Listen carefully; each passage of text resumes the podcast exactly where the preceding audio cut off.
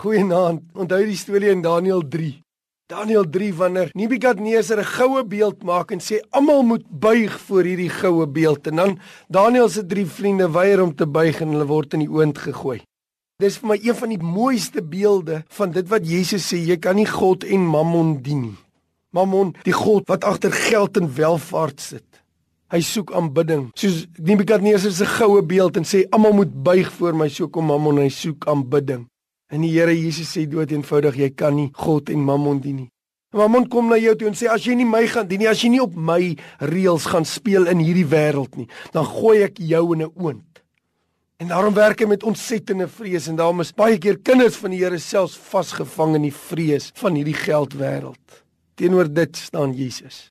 En teenoor dit bring hy Daniël se drie vriende as 'n voorbeeld vir ons wat voor Nebukadneser gaan staan en sê ons God is by magte om ons uit die oond uit te hou, maar al sou hy dit nie doen nie, nogtans sal ons nie buig voor hierdie beeld nie. Wat gebeur toe hulle nie buig nie? Hulle word in 'n oond gegooi, maar hulle brand nie in die oond nie. Want jy sien Jesaja 43 sê as jy deur die vuur gaan, sal dit jou nie brand nie. As jy deur die water gaan, sal dit jou nie wegspoel nie.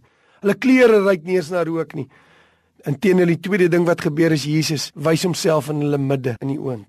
En dikwels kom jy as 'n kind van die Here as jy die regte ding doen dan voel dit asof jy in 'n oond is. Dit voel vir jou asof jy in 'n toets is en jy kan nie weer nie, maar die Here Jesus wil homself in daai toets wys.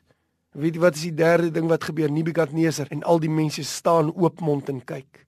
Dis wat gebeur as 'n kind van die Here die Here vertrou. Dikwels laat die Here toe dat hy in 'n oond kom sodat hy homself kan wys deur daai oond. Ek weet nie wat se krisis is jy nie.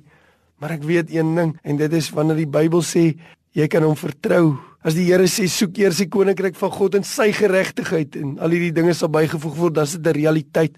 As die Here Jesus sê doen wat reg is vandag en vertrou my, dan kan jy hom vertrou. Daar's 'n oond wat na u toe kyk. Vertrou die Here. Hy sal hier in daai oond en deur daai oond beskerm. Hy sal jou nooit begewe en jou nooit verlaat nie, sê Hebreërs 13, want hy's ons helper. Daardie bekommernis waarmee jy elke nag wakker word bring dit na hom toe.